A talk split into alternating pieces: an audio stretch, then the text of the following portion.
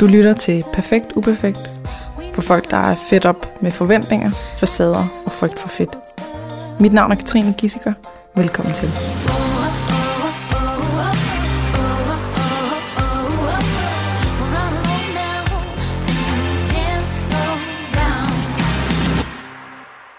Så lykkes det. Ja. Hej. Hej. Alberte Stengård. Tak fordi at du ville komme. Tak. Tak fordi du har ventet 40 minutter, at vi kunne komme i gang. Fordi at der er noget med vores mikrofoner. Nemlig at øh, den der lille tut, der plejer at være på en mikrofon, den, øh, den er væk. Og det skulle jeg jo have testet ad, før vi store. Men øh, sådan en menneske er jeg ikke. Øh, så hvis der er noget med lyden, så er det altså derfor. Vi prøver at sidde så stille som muligt, og vi prøver at... Ja, det er altså ikke nemt for mig. Nej, Det kan jeg godt mærke. Ja, vi må se, vi må se hvordan det går. Hvis det lyder helst det, så, så lad være med at lytte med, altså. Totalt. Ja, og vi sidder også i et nyt lokale, og jeg kan høre selv, at der er ikke er nogen lydplader, som der var i det gamle livsstilshus. Så øhm, det er sikkert bare lort at lytte til det her. Det er lige meget. Tak for ingenting. Vi gør det alligevel. Nå, øh, back to you, Alberte. Kan du ikke lige fortælle lidt om sådan øh, dig? Hvad, hvad laver du? Øh, sådan bare lige sådan nu her, de, de klassiske ting. Så får vi lige Ja. dig på plads. Du er sådan en gammel dame, sagde du, Ja. på Nej. snart 28. Ja, var snart 28. øhm, ja, jeg bor på Amager. Mm. Boede der snart to år, har jeg i hvert fald boet der. Øhm, er lige, det er nok det, som fylder mest lige nu i hvert fald, er lige blevet bevilget et flexjob, Mm. som jeg har kæmpet for rigtig, rigtig mange år. Ja, det Øhm, hører man jo. Ja, det er virkelig en lang proces, og det virker stadig mega surrealistisk. Og nu er det så bare mega svært at finde et job, fordi når folk hører, at det er et flexjob, så tænker de, at jeg skal på den. Nå, Ja, så det er super nice. Øhm, er du skøj på den? på en god dag. På en god dag. Ja, Yes, perfekt. altså på min Det måde jeg er jeg jo selvfølgelig anderledes end måske, hvad, kan, hvad er normalt, ikke? You know what I mean? Ja. Øhm, men ja, så det fylder meget, og så fylder det meget, at jeg stadigvæk prøver at få en hverdag til at fungere for mig selv, tror jeg. Og finde nogle rutiner, og nok lære mig selv at kende igen, Mm. efter rigtig mange år. Øhm, Har du en kæreste, eller bor du alene? Eller? på alene. Mm. Ja, det har jeg faktisk altid gjort. Så øhm, Altid. Ja, altså, bortset fra, da jeg boede hjemme hos min familie, ikke? Men Ja. ja. altså, siden jeg var 18, har jeg sådan flyttet rundt og boet alene og sådan noget. Ja. Damn. ja, så det har været sådan lidt en, en lang rejse. Ja. Og øh, jeg har inviteret dig ind. Ej, jeg har, øh, jeg har kold lungebetændelse, så jeg kommer nok til at hoste på et tidspunkt. Jeg prøver virkelig ikke at hoste. Jeg har inviteret dig ind, fordi at jeg ved, at du har en historie. Mm. Øhm, vi har også lige snakket lidt om det der med, så bliver man sin historie, eller sådan at, Nå, men så fordi du har oplevet nogle ting, der var svære, så er det det eneste, du ligesom, du dur til at snakke om, eller sådan. Selvfølgelig er det ikke det. Og det er også rigtig spændende at høre om, hvad du laver i dag. Men det er jo det, jeg gerne vil... vil ja. det, er, det er noget tabu noget. Det Ja. vil vi vist godt sige. Helt sikkert. Ja. Så det er det, vi skal snakke om. Og øh, hvordan vi kender hinanden, det vi har været til sådan et arrangement af en art. Mit første sådan nogle øh, er også mit første arrangementer, event. events.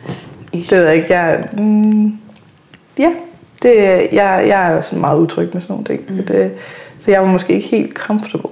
Men du fik åbnet op for snakken, som jeg ellers, jeg synes, snakken var lidt kedelig. Men så fik du lige åbnet op for noget. så var der fandme lige uh, realness. Ja. Og det kunne jeg godt lide. Og så skrev jeg til dig, Hallo, ja. hallo, jeg vil høre din historie. Mm. Ja, så. så give it to me, baby. Ja. Ja. Hvad vil du høre? Hvad vil du høre? Jamen, øh, du nævnte noget med, at du havde været i systemet, siden du var 14. Mm. Ja. Hvilket i sig selv siger noget om, du har en historie. Ja. Så kan vi spole tilbage til, da du var 14, eller skal vi længere tilbage? Eller? Ej, jeg tror, det passer meget godt. Eller det er jo nok sådan, det jeg selv kan begynde at huske det i hvert fald. Øhm, jeg tror, jeg er længe, eller i lang tid har jeg altid været sådan en meget sensitiv person. Øhm, Og når jeg også. siger sy- sy- systemet, så mener jeg psykiatrien. Præcis. Ja. Øhm, jamen altså, da jeg var 14, så gik jeg faktisk selv til en vejleder på min skole, fordi jeg forstod ikke, hvorfor at jeg ikke bare kunne gå i skole, og, øhm, og det ikke sådan... Jeg ikke At være ligesom alle andre. Ja, Ja. ja, altså hvorfor jeg skulle røre alle streger, hvorfor jeg skulle... Jeg havde virkelig mange OCD-tanker og handlinger dengang, kan jeg så nu se tilbage på. Øhm, ja, så hende gik jeg til, og ret hurtigt en tid, så tog hun fat i nogle ting, som jeg jo slet ikke var bevidst om, og hun kontaktede min mor. Øhm, og der kom rigtig hurtigt til at handle om, at jeg havde tabt mig rigtig meget. Jeg var sådan en okay buttet øhm, lille Alberte, tror jeg. Som, jeg har også altid følt mig rigtig forkert, fordi jeg var ikke en stankelbens pige, som jeg lidt kalder dem. Jeg gik i klasse med, altså de der typer, og ikke noget, der gav med det. Mm. Men sådan var jeg bare ikke. Jeg var helt, helt anderledes. Og øhm, hurtigt så blev det det, det handlede om, at jeg havde tabt mig rigtig meget over sommerferien. Og når jeg kigger tilbage nu, jamen, så kan jeg jo godt se, at der var nogle tegn, at jeg havde brugt sommerferien anderledes, end måske de andre havde brugt den. Ikke? Øhm, men jeg var slet ikke, altså jeg var slet ikke undervægtigt, men jeg var selvfølgelig anderledes. Jeg selvfølgelig tabt mig mange kilo, men jeg havde også godt kilo, jeg kunne tabe, uden at det faktisk overhovedet var, altså jeg vejede mere der, end jeg gør i dag. Mm. Øhm, men jeg kom til lægen, min mor tog mig til lægen, og, og lige så var de jo mega bekymret for mig. Mm, og øhm, jamen, jeg ved ikke engang, det, var, det er stadig sådan surrealistisk for mig den dag i dag, men lige så var jeg på børneafdelingen på Gentofte, altså ikke psykiatri, øhm, men den helt almindelige børneafsnit, og blev indlagt der. Og det var efterårsferien, kan jeg lige tydeligt huske. Øhm, og der startede det lidt. Altså, og det var anoreksi, de... De ligesom- indlemmer med anoreksi, ja. ja. Øhm, men jeg havde jo sind, altså sindssygt meget OCD. Så den dag i dag, når jeg snakker med min mor om det, så siger jeg jo altid, at jeg ville ønske, at de havde set min OCD først. Mm. Fordi den er aldrig blevet behandlet, fordi min anoreksi er min hoveddiagnose. Og min, altså, ja, og OCD'en er bidiagnosen, ikke? Mm. Og du tror, det er omvendt, eller? De er i hvert fald kommet samtidig, eller min OCD tror jeg faktisk er kommet først. Mm. Øhm, de er jo begge to, kan man sige, en måde at få kontrol på. Så når den ene, jeg kæmper med den ene, jamen, så blusser den anden op og mm. omvendt, ikke? Så det er sådan, det er min måde at have et eller andet. Øhm. Og hvad, det var noget med rørstregerne? Det, det var er det sådan noget med, når man går vejen? Øh, Eller? På fortoget. På fortoget, okay. Ja. Så det, jeg kom faktisk til at tænke på, at det går det lidt mærkeligt. Jeg tog mig selv lige, at gik ned på cykelstien. Og det er sådan lidt et, hvad kalder man det, et men, jeg har derfra, at jeg går stadig ned på cykelstierne, fordi det er trygt for mig. Hmm. Øhm, Hvor du så skal ramme Nej, fordi der er jo ikke nogen streger på cykelstien. Nå, der er ikke nogen streger? No. Så derfor tror jeg altid, at jeg trækker ned. Min mor, hun tager mig tit i det. Men bare, kom nu op på... Øhm, på for, jeg har dem jo ikke længere. Men en så bare sådan en tryghedsfaktor, jeg så trækker jeg bare ned på cykelstien, fordi det er bare meget nemmere for mig. Mm. Øhm, og hvad kunne det ellers være? Altså OCD-handlinger? Ja, altså de har ændret sig virkelig meget gennem mine år. Øhm, men dengang var det meget sådan konkret. Altså ting, jeg skulle gøre. Mm, øhm, som med? Jamen, altså jeg skulle sige godnat til min mor på en helt bestemt måde. Jeg skulle sige godnat, så skulle hun sige godnat, og så sov godt. Altså det var sådan helt ritual, og hvis der bare fuckede en mindste smule op, så skulle vi tage det forfra igen. Og øhm, jeg skulle gå over dørtrinet på en helt bestemt måde. Jeg kan huske, at jeg stod udenfor vores dør en hel time engang, for jeg kunne simpelthen bare ikke komme over det der trin. Og jeg skulle røre alle sådan, de der vanddæksler, der er på en vej. Dem skulle jeg røre. Så selv hvis det var midt ude på, hvor bilerne kørte, så mm. skulle jeg bare ud og røre det dæksel. Ikke? Så det var sådan, jeg var virkelig, virkelig hæmmet af det. Mm. Øhm, og det, det, blev så invaliderende det også det sidste, men at jeg, ikke, altså jeg kunne ikke engang overskue gå ud, af nogle perioder har jeg ikke kunne. Jeg lavede også det op i min story i går, at jeg for eksempel engang fået lavet dreadlocks, fordi at jeg havde så mange tanker med mit hår. Mm. Så bare for at få det væk, så, for, altså, så havde jeg jo ikke noget med det. Mm. Øhm, så det er sådan... Altså dreadlocks for, at man ikke kunne ræde og sætte Præcis. det? Og... Jeg kunne ikke få noget at sætte en skilning til sidst, fordi bare der var et hårstrå, der sad forkert. Ah så skulle jeg gøre det om. Så jeg, jeg, jeg har jo ret mit hår sådan en timevis en gang, ikke? hvor man sådan forsvinder helt ind i en boble, fordi at det skal bare sidde rigtigt. Så, Men ja. du har aldrig fået behandling for OCD? Øh, jo, øh, eller jeg har fået medicin for det en gang. Øh, det skulle medicin? jeg. Ja. Der er rigtig mange, der Jamen, får der... medicin for OCD, men jeg, øh, jeg var ja, faktisk... Jeg troede, det var en helt anden behandling. Det er også helst kognitiv terapi. Nogle gange så sammen med, med medicin, ikke? men øhm, fordi at, at altid min spiseforstyrrelse kom i, i første række, så mm. gav de mig... Altså for eksempel, da jeg blev indlagt på, øhm, på børne der, der havde jeg jo det, altså havde det rigtig skidt. Og så fik jeg at vide, at hvis jeg ikke tog noget antidepressiv medicin, så ville jeg overflytte mig til børnes psykiatrisk afdeling.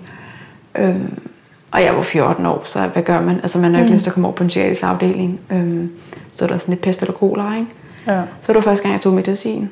Øhm, Men det er antidepressiv, man bruger til OCD? Det, det, Eller det var det i hvert fald? Det, det var det dengang. Ja. Altså anden gang, jeg fik øh, medicin for det, det var det antipsykotisk. Okay.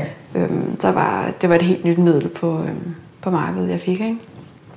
Øhm. Fordi vi har da i dag en rimelig sådan effektiv behandling af OCD, ja, hvor... kognitiv terapi. Ja, ja. det er noget med, altså nu ved jeg, at min, min kærestes datter har haft det. Mm. Det er noget med sådan noget, er det nogle zoner eller sådan noget, Ja, hvor man man skal så udfordre det skal udfordre, ja, og Præcis. zonefornemmelsesudvikling, og at man mm. går tættere på det, der er føles farligt og sådan noget. Præcis. For hende var det sådan noget, Det er eksponering. alt hvad der handlede om Michael Jackson, mm. det, så, så røg hun fuldstændig i øh, kæmpe angstanfald Ah, og sådan okay. noget. Bare der var en sang, eller du ved, et eller andet. Altså, det, Ja, ja. det er skørt, hvordan ikke hendes hjerne lige har valgt Michael Jackson. Ja, ja, præcis. Ja. Nå, men det er, sådan, det er der jo med. Jeg har bare aldrig rigtig fået det tilbudt, fordi at der er meget, når man er indlagt med spiseudstyrelser, så skal man nå en bestemt vægt, før de mener, man er kognitivt parat til at få psykologhjælp. Yes, det er Ja, noget med, det klassiske. at BMI'en skal over Et vist. Ja. 13 eller er det 15? Nej, nej, meget højere op. 18?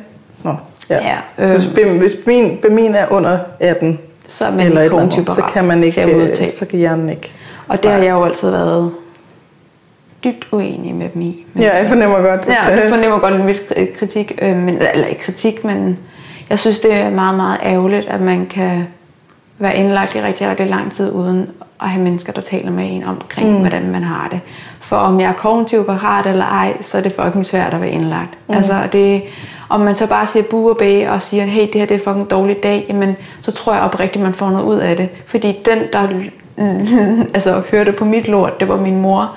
Og det kæmper vi jo stadig med den dag i dag, at hun har været min behandler på mange områder. Ikke? Øhm, så jeg, jamen jeg, det gør mig utrolig ondt, når jeg hører det stadigvæk. Altså jeg har piger, der skriver til mig, at de stadigvæk er sådan, det, det foregår. At man ikke øhm, får er det nok sådan uh, tvangsfodring, hvad vil jeg kalde det? Øh, altså, at man, man er tvunget til at spise, før at man må få hjælp. Øhm, Er det, er det altså, sådan, det, det- foregår? Eller? det, det er jo meget kort fortalt. Altså, det er jo meget svært at forklare, hvordan behandling af anoreksi er. Fordi for det første er det lidt forskelligt, hvor du er indlagt. Om det er på en psykiatrisk afdeling, eller om det er et specialafsnit, du er indlagt på. Ikke?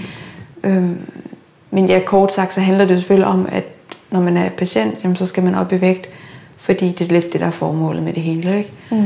Øhm, og vægten er jo sindssygt vigtig. Altså det, vil jeg, det har jeg jo også lært efter, på mange år. Mange år var jeg jo også sådan, nej, fuck det. Altså det er jo ikke det, det handler om. Mm. Men det er det jo selvfølgelig også. Øhm, men det handler også om at finde ud af, hvorfor du har det dårligt. Mm. Hvad er det, du flygter Altså, fra? er et symptom. Præcis. Så det er jo, ja. øhm, hvad er det, du flygter fra? Ikke? Øhm, Ja. Så det er klart, at alle de gange, hvor jeg er kommet op i vægt og udskrevet mig selv og ikke fået bearbejdet, hvad det fanden er det, jeg flygtet fra, men så er det klart, det sker for mig igen. Mm. Øhm, så det er jo også, altså jeg har været op og ned rigtig, rigtig mange gange. Sådan, ja. Men Jeg mødte en, en kvinde på bogforum, som var sådan helt øh, meget intens mm. og forklarede, at hun, øh, hun var indlagt for anoreksi lige nu, øh, mm. og at der så havde været en, en uge, hvor hun ikke havde taget det kilo mm. på, hun skulle, mm. eller sådan et eller andet, hvor hun så havde fået at vide, at når man, altså, ja så hvis, du ikke gider, hvis du ikke gider at tage på, så er der ikke nogen grund til, at du er. Eller sådan. Nå, nej, men det er Noget meget eller det, hardcore, hvor jeg blev helt sådan, Jamen, det, det er det, virkelig det, det, sker der, at det sker vel ikke? Eller sådan, vi er i 2000 Jo. næsten 20. Ja, men det jeg har lige selv en stadig. veninde, der har været igennem det. En veninde, der lige er blevet udskrevet, som faktisk havde håbet. Hun havde selv valgt at blive indskrevet, øhm, fordi hun ville gerne nå derop, som hun synes er rigtig svært. Øhm, og havde ikke taget et kilo på i gennemsnit, og så havde de simpelthen afsluttet hende, fordi der er så få pladser, så hvis man ikke opfylder de krav, der er, jamen så er det farvel. Øhm, og det, og det, det gør mig også... Ej, det var absurd. Jamen, det er virkelig, jamen, det er virkelig, og det, når det handler om, at hun i gennemsnit havde taget 700 gram på i ugen, og ikke et kilo. Øhm, det er benhårdt. Altså, det er det virkelig. Jeg var indlagt en gang i tre måneder og tog 18 kilo på. Så øhm, når man kommer ud fra en indlæggelse, så har man det ikke godt. Mm. Øhm, og det, og det, jeg, jeg, jeg ved ikke engang, hvad jeg skal sige, for jeg bliver virkelig ked af det, fordi det er sådan, det er. Mm. Øhm, og det, det er stadig sådan, det er. Jeg var indlagt, som sagt, har været indlagt på mange afdelinger, og selvfølgelig har de gjort det med på hver deres måde lidt, ikke? Men, men overordnet ved det samme. Øhm, selvfølgelig er det noget andet, hvis du er tvangsindlagt, fordi så kan og vil de ikke udskrive en, hvis du er så farligt tynd, at det er uforsvarligt, at de udskriver dig. Altså, man er risiko for at dø. Ja, altså de gange, jeg har været tvangsindlagt, så er det klart, at hvis jeg ikke har taget et kilo på i gennemsnit, jamen, så bliver jeg ikke udskrevet, så får jeg så nogle andre privilegier, eller hvad man kalder det, taget fra mig. Øh, Så får jeg måske fast vagt, eller jeg får ikke lov til at gå en tur mere, eller selvfølgelig bliver min Altså, kostplan, som straf, for at man ikke har taget på. ja, eller min kostplan bliver øget. Da jeg var, nu springer jeg virkelig i det, Jamen, det, men det er fint. jeg har været indlagt på den lukkede, øhm, en gang. Hvor gammel var du der? Der var jeg en 18-19. Jeg var lige kommet i voksenpsykiatrien, så det var bare bad luck. Mm. Øhm, og havde lige, nu siger jeg noget, jeg ikke har sagt før, men havde faktisk lige taget en overdosis. Så jeg var rigtig, rigtig langt ude. Øhm, En overdosis af hvad? Af, Piller. Altså sådan panodiler, eller? Mm. Ja. Ja. Øhm, og endte så på den lukkede, fordi der ikke var plads andre steder. På den allerhårdeste lukkede på Ballerup, hvor jeg altså sad sammen med folk, der havde begået mord og havde lavet overgreb og alt muligt, fordi at de jo ikke må være i fængsel, fordi at de har en psykisk sygdom. Ja. for andre? Okay. Og det har ikke noget ondt at sagt mod dem, men jeg burde jo ikke være sådan et sted som det. Men fordi at der ikke var plads nogen andre steder, så havnede jeg der, fordi at der skulle tvangsindlægges, fordi jeg havde det så dårligt fysisk. Øhm, så det var lidt opbevaring, og jeg var der faktisk tre måneder. Og først efter to måneder fik jeg lov til at komme ud for en dør og se et, et, altså et træ. Et andet menneske. Ja, bare en normal verden. Altså. Øhm, så de, de tre måneder... Det var ressourcemangel, Ja, simpelthen. Ja, der lå stadigvæk folk og sov på gulvet ude i køkkenet, fordi der ikke var pladser nok. Ja. Men øhm, ja, så der var jeg for eksempel, jeg var tvangsindlagt, og da jeg ikke tog nok på om ugen, øhm, jeg har aldrig kastet op, og som jeg plejer at sige til min mor, det skal jeg fandme have penge for. for mm. Og det er ikke noget at sagt mod dem, der gør det, men det kan jeg slet ikke, altså det kan jeg slet ikke. Øhm, men fordi jeg så ikke har taget det på, jeg skulle, øhm, fordi de så ikke har lavet en ordentlig kostplan til mig, det var så deres skyld, kan man sige, ikke? Øhm, Du havde spist det, som ja, du skulle? ja. Altså, eller? det var folk, der sidder og kigger på en, når man spiser, ikke? så er det sådan lidt svært at... Altså, Mm. øhm, altså folk, der har jo selvfølgelig... Jeg har altid spist det, jeg skulle, fordi det andet, det var lidt ligesom at fuck mig selv op. Altså, jeg har jo også været indlagt sammen med folk, der gemmer mandler i BH'erne, eller tager smør under bordet, eller et eller andet. Mm. Ikke? Så næste gang man sidder der, øh, nej tak. Øhm, men ja, så gik det ud over mig, så jeg fik fast vagt, fordi de bebrejdede mig, at jeg havde kastet op, efter jeg havde spist, øhm, fordi jeg jo ikke havde taget kilo på om ugen. Og jeg blev ved med at sige til dem, at det kunne jeg ikke finde på. Øhm, og min mor sagde det til dem. Hun kender mig jo rigtig godt. Men nej, de troede ikke på mig, så der kunne jeg have fast vagt. Og det, var, altså, det betyder jo, at der sidder en og kigger på dig fucking 24-7. Du får ikke engang lov til at skide alene. Altså, seriøst. Så jeg Altså, de går med. Ja, ja, de går med alle steder. De sidder og kigger på dig, når du sover. Altså, det er så... Det er så inhumant. hvor er det- ja. Altså, det, det, Shit. ja, det er virkelig, virkelig, virkelig ubehageligt at blive frataget den der følelse af, og også fordi nogle af dem var yngre end mig. Fordi at jeg Dem, der skulle holde øje med dig. Ja, det er jo sådan de medicinstuderende, ikke? så de var måske en, måned eller to yngre end mig, men det hele den der følelse af, at det var så nedværdigende. Mm. Og det er det stadig den dag i dag, når jeg tænker tilbage på det. Og, Jamen, Altså, man har var, mere frihed i fængslerne. Det var tre måneder, jeg i hvert fald... Så de har ændret mig for altid. Jeg har stadig mareridt derfra. Mm. Øhm, vågner stadig nogle gange op badet i et sved, fordi at... Ja, så det... Der skete mange ting, som... Man tager ikke... Man, der bliver bag de fire hvide vægge. Altså, og det, som jeg snakkede med min mor om, hun var den eneste, der faktisk besøgte mig, mens jeg var der. Hun forstår lidt om, hvad det er, men hun var der måske en time hver tredje dag. Jeg var der 24 fucking 7. Altså, mm. Og jeg, jeg keder det ikke, for at jeg skal snakke ondt om mennesker, men man forstår det ikke, før man selv har været der. Mm. Det gør man virkelig lidt ikke. Det er virkelig frarøvelse af så meget, at ja, det er sådan... Og det er flere måneder, det der. Ja, det er tre måneder, hvor man bare... Jeg kæmpede for... Altså, jeg tror, jeg overlevede, fordi jeg var så stadig og kæmpede for at finde vej ud.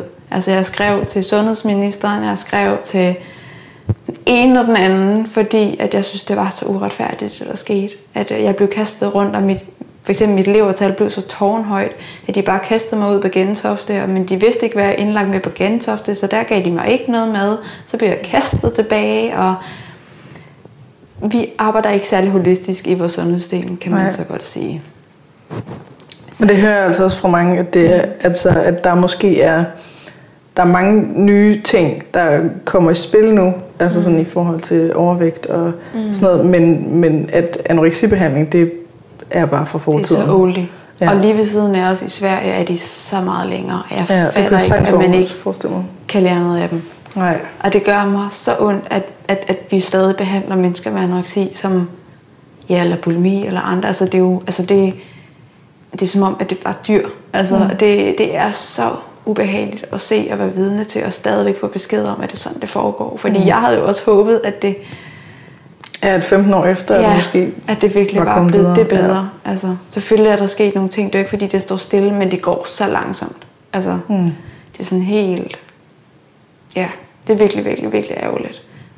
Bare, Ej, jeg begynder med samme at tænke sådan, man skal lave et, øh, et samarbejde med nogle privathospitaler eller sådan noget, så hvor de skal kunne give et andet tilbud, mm. og, at Og der er jo skal det også bare være meget mere human. Der er jo private hospitaler, men de koster bare fucking lort. Altså. Ja. Og det er jo det, der er så skide svært. Der er jo ikke nogen glemt. i går så normale mennesker, der har råd til det. Jeg kom mm. faktisk på et privat hospital i en måned. Øhm, fordi det var efter det lukkede, jeg fik... Øhm, ja, ja, jeg, kom, jeg fik lukket mig derhen. Men udskrev mig så med det samme, fordi Nå. at jeg kunne ikke. Altså, jeg var så ødelagt efter de tre måneder, så bare det, at et menneske kiggede på mig og sagde, du har det sådan og sådan og sådan, jeg var stak skråt.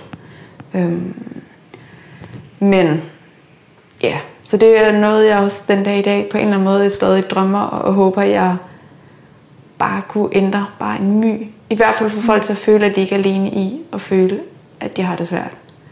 Men det er, jo helt, det er jo helt tosset det der med, at for det første, at de beskylder dig for noget, du ikke har gjort. Mm.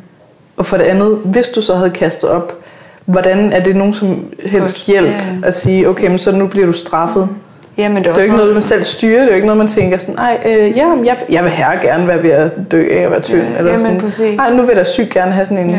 Og det, ja, ja, en vagt præcis. her, der skal være. Altså sådan, øh, Nå, der er ikke Men noget ja. logisk i det, og der er heller ikke noget logisk. undskyld. Damn. Sorry. Ej, det er altså helt okay. øhm, ja, og stadig den dag i dag har jeg rigtig, rigtig svært ved at stole på mennesker. Ja, det er skal- klart. Altså, eller, det kan jeg faktisk næsten ikke. Altså selv min mor, der er sådan...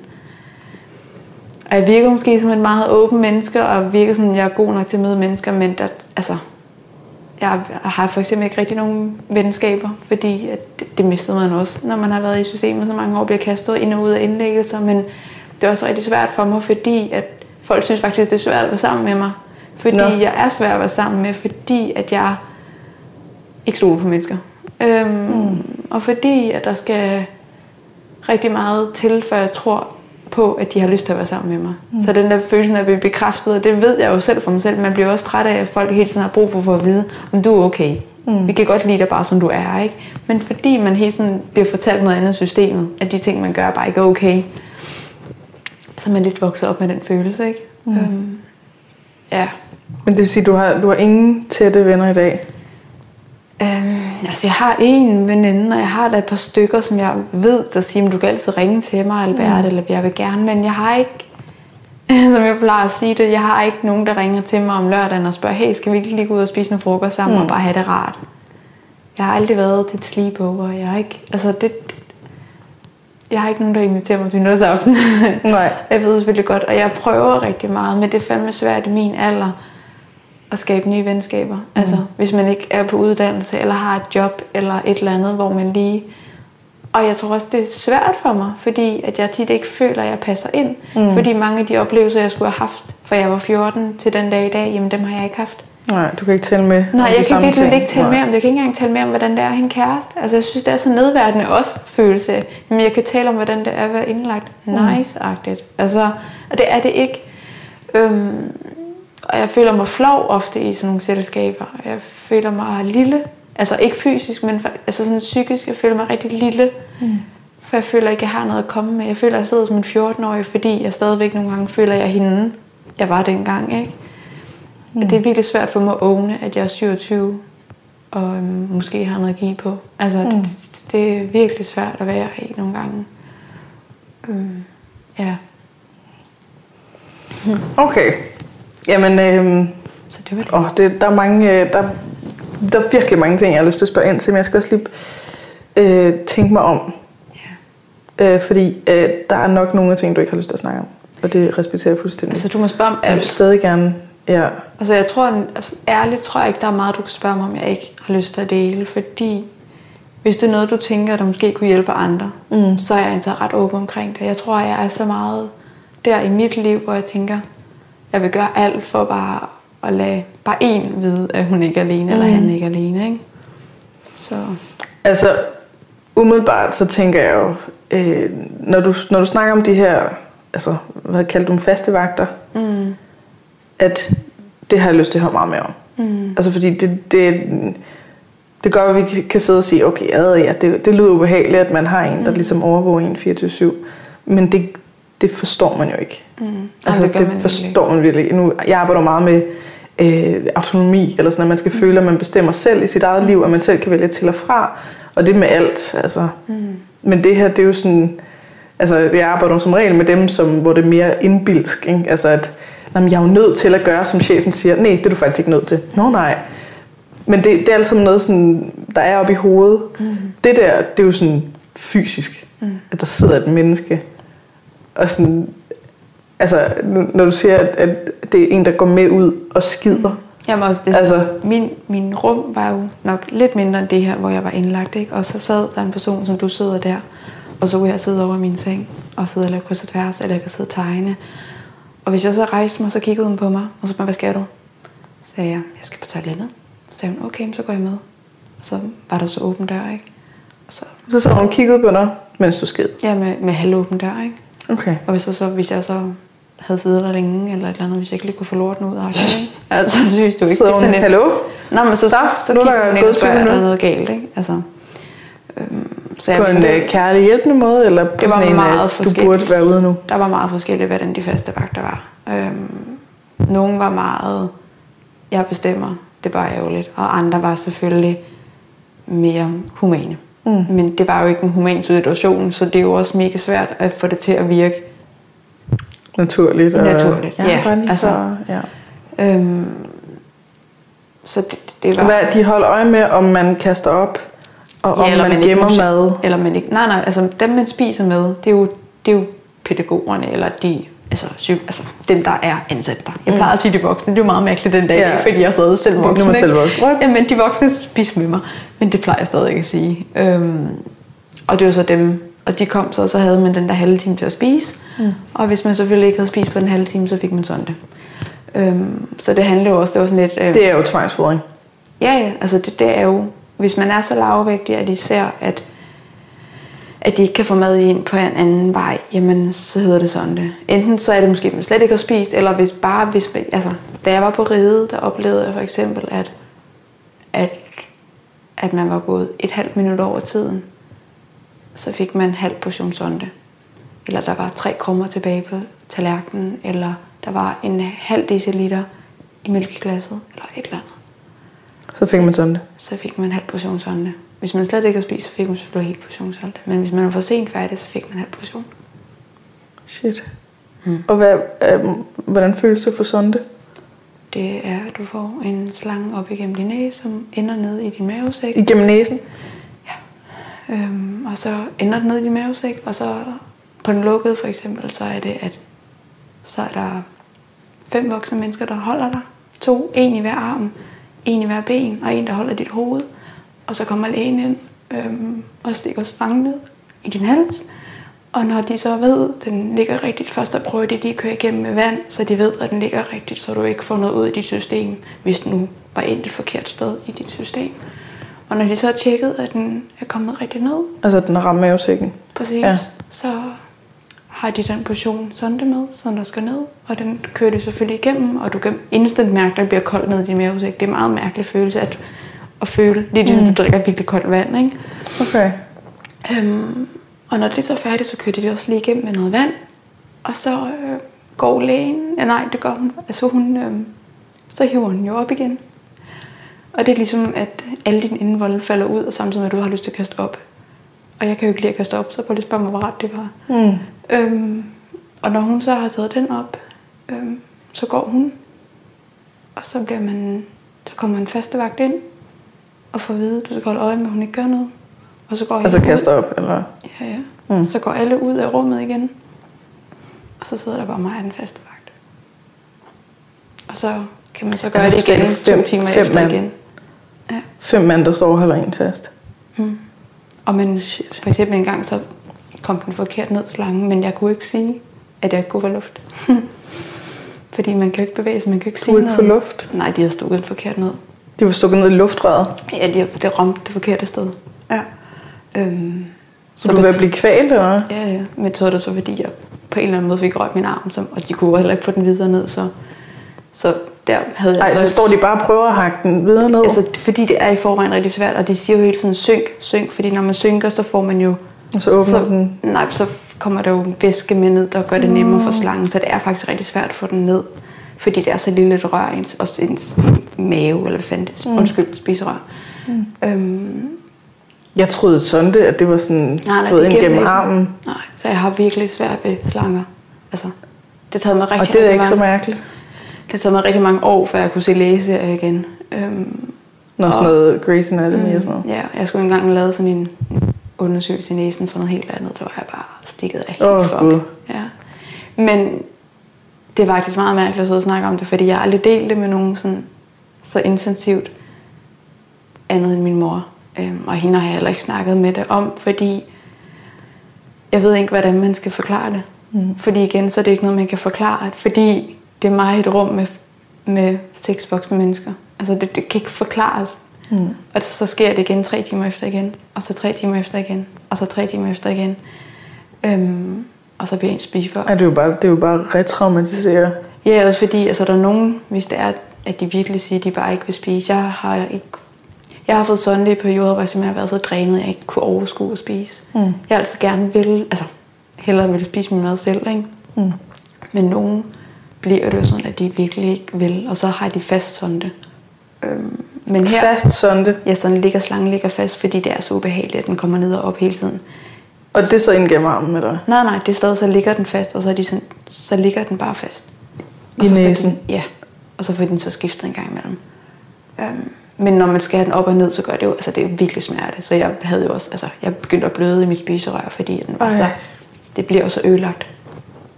Um, ja, og det er virkelig Altså- mærkeligt at sidde og snakke om, fordi jeg vidderligt ikke delte med nogen før. Jeg er meget beæret over, at- at du siger, at du ikke stoler på mennesker. Jamen, det er det, jeg virker øh, meget som du er- menneske. Men lige det her, det tror jeg også bare i så mange år har været et tabu for mig. Og det er stadig et kæmpe tabu for mig. Og jeg har længe på en eller anden måde gerne enten vil skrive om det, eller fortælle om det. Ja, mm. både så jeg ikke følte mig selv alene, men også fordi jeg ved jo, det sker for sindssygt mange andre. Mm. Men der er ikke nogen, der taler om at få sådan det, fordi det er nok et af de mest tabubelagte emner. Fordi at det er så nedværdende, og, og folk kan sådan... Jeg kan jo stadig have det sådan med mig selv, hvorfor fanden kunne jeg ikke bare spise? Altså, mm. Det er da mega pinligt at sige, at folk har stået og givet en mad. Altså, det er, så, det er jo så banalt, når man tænker over det, ikke? Øhm, også fordi for mig har det ikke handlet om faktisk, at jeg ikke vil spise. Men det har sådan handlet om, at jeg ikke jeg har ikke kunnet mere. Mm. Jeg har bare været så drænet. Også fordi jeg godt har vidst, at jeg skulle nå at spise på en halv time, og jeg bare ikke kunne overskue det. Mm. Jeg har vidderligt ikke kunne overskue at skulle spise, fordi jeg har bare været træt. Jeg har bare været træt i hele min krop og min knogler og mit hoved. Så på trods, det var bare sådan en for mig, sådan en, jeg har bare lyst til at give opfølelse. Mm. Øhm, ja. Det var sådan, ja. Og jeg fik det første gang, da jeg var der 14 år faktisk. Altså sådan det. Mm. Der kom de ind, og så viste de mig slangen, og så sagde de, "Nå, men sådan her set den ud. Nå, nice. Der vidste jeg jo ikke engang, hvad det var. Mm. Jeg vidste ikke engang, hvad jeg nok sige var, da jeg blev indlagt. Og hvad, altså, du må have fået en eller anden form for hjælp. Noget psykologhjælp, eller noget et eller andet, siden du kan stå på to ben i dag. Ja, Eller hvad? Jo, øhm, altså, og det er jo virkelig ikke, for at jeg skal lyde hardcore eller sådan virkelig negativ, men det er ikke systemets fortjeneste, jeg står her den dag i dag. Mm. Tværtimod. Øhm, og det er ikke, fordi jeg siger, at systemet ikke kan gøre noget, for jeg vil ikke sige til nogen, du skal ikke blive indlagt, fordi jeg vil ikke være sådan en, der siger, selvfølgelig skal man opsøge hjælp, hvis man har brug for hjælp. Altså, hellere du indlagt, end du dør. Altså, Mm. undskyld mig, jeg ved, så jeg ville heller ikke have været min indlæggelse for uden, hvis jeg var død. Altså, men, men ja, jeg mødte for nogle år siden en kvinde, som satte rigtig mange tanker i gang ved mig. Øhm, der, havde, der var jeg lige blevet udskrevet for ride, og havde bare sådan, hvis jeg dør det, så dør det, jeg skal bare ikke indlægges igen. Ja. Altså der havde sådan et, så må jeg dø Det er jo forståeligt. Altså for jeg kunne ikke mere. Jeg var bare brugt. Mm. Øhm, men kom også rigtig langt ned igen, og systemet ville gerne have mig indlagt der. Fordi jeg sådan, jeg burde heller ikke kunne have stået på mine egne ben der. Men mm. øhm, hun spurgte mig sådan meget banalt, jeg gør det stadig ikke, øhm, hvad drømmer du om, Alberte? Hvad vil du gerne? Altså sådan helt oprigtigt sådan, Det vil var der ikke nogen, der havde spurgt dig om Nej, før. og først der gik det op for mig, hvad vil jeg egentlig gerne? Hvem er jeg? der var der Så ikke jeg må gerne have en, en, et ønske ja, og jeg må godt bare og være meninger. mig. Og, Ja, ja, præcis. Og i alle årene havde jeg nok både flygtet fra at være mig, men også bare indordnet mig. Mm. Øhm, og det var virkelig skældsættende. Selvfølgelig er det jo ikke, overhovedet ikke sket fra den ene dag til den anden, men virkelig der, der satte nogle tanker i gang. Mm.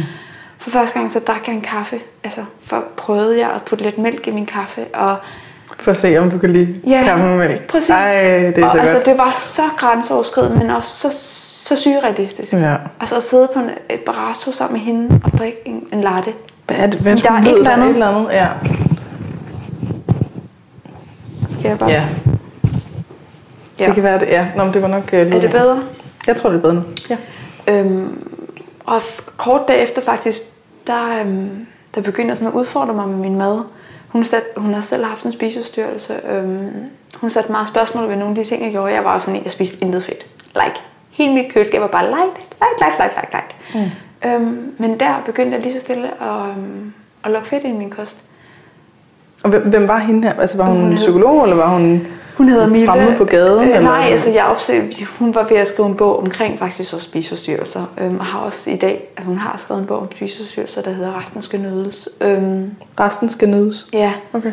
øhm, og, øhm, men lige så stille, jamen, så tror jeg bare, at jeg begyndte sådan, jeg stillede spørgsmålstegn ved rigtig mange ting i mit liv.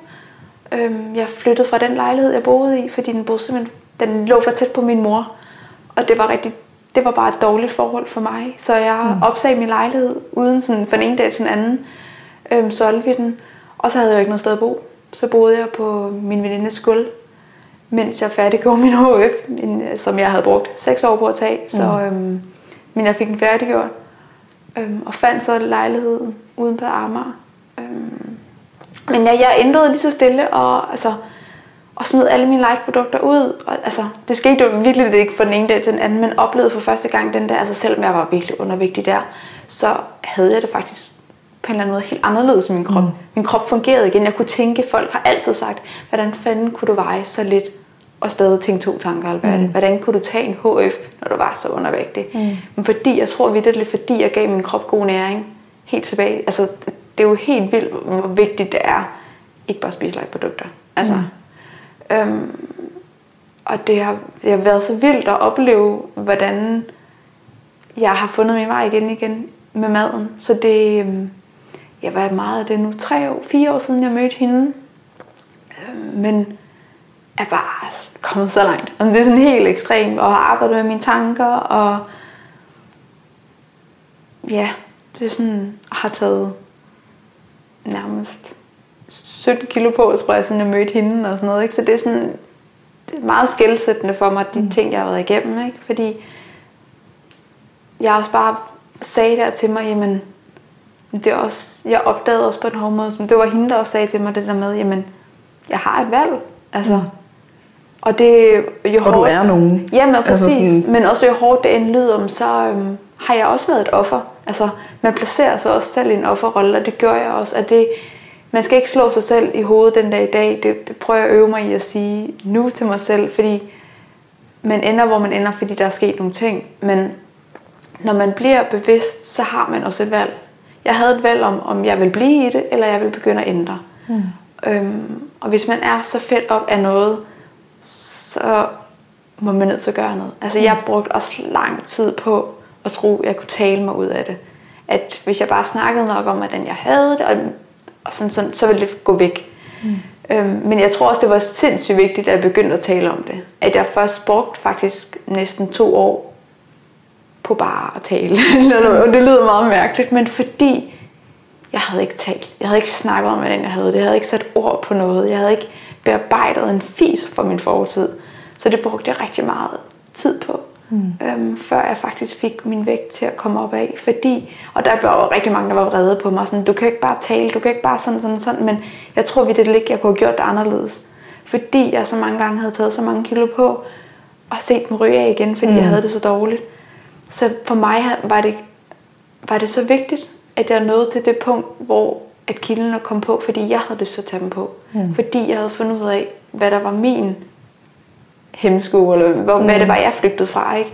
Og jeg tror ikke, at de ville kunne blive på mig, hvis jeg ikke havde været igennem den periode. Selvfølgelig var det risikabelt for mig, fordi jeg var så undervægtig, det godt kunne have en galt. Men samtidig så tror jeg ikke, jeg ville have været her i dag, hvis jeg ikke havde givet mig selv den tid.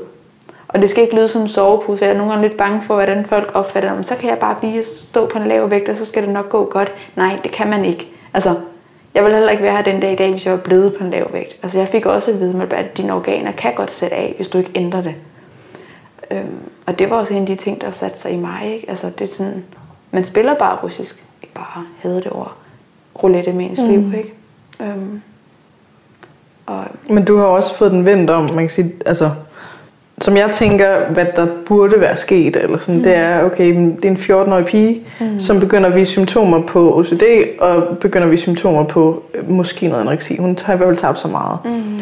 Okay, lad os finde ud af, hvorfor det sker. Mm, præcis. Hvad er det, der, hvad er det, der ligger bag? Hvad det, har hun en, en opfattelse af sig selv omkring, at hun er øh, hun ikke er noget værd, eller øh, er hun altså mm. er hun af den tro, at du ved, der sker et eller andet farligt, hvis sådan og sådan, eller altså hvor, hvorfor er det, at man ikke går ind og siger, okay, mm. men der, der skal noget intensiv psykologhjælp til her, Præcis. og så videre. Og hvis det så bliver ved med at være slemt, eller sådan, at man bliver ved med at tabe sig, og så videre, og man begynder at sige, okay, jamen så, så er vi nødt til også at supplere med noget andet. Mm. Men at det burde være psykologhjælpen, der ligesom var i, i fokus.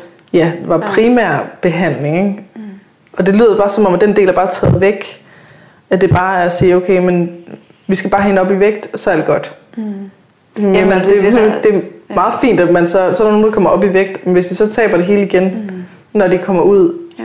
så er der intet, der er sket anderledes, andet end at nu har man endnu en, en utilstrækkelighed med sig. Ikke? Ja, sådan, endnu en gang kunne jeg ikke finde ud af at holde kiloen. Eller, mm. altså. Ja, men det, mor, min mor og jeg, vi snakker bare om det, og det, og det er jo ikke fordi, jeg siger, at, at alt havde været bedre, hvis det ikke var sket sådan en gang, men det gør mig rigtig, rigtig ked af, at det ikke var sådan, de handlede. At min mm. mor ikke så, at jeg havde det svært, og så sagde til min læge, ej, vi bliver nødt til at finde en god psykolog til hende, mm. i stedet for at ty til systemet først. På den måde i hvert fald, med en indlæggelse. Ja. Fordi jeg som sagt langt fra på undervægtig. Altså, mm. jeg var faktisk stadig med et helt normalt BMI og sådan noget, fordi...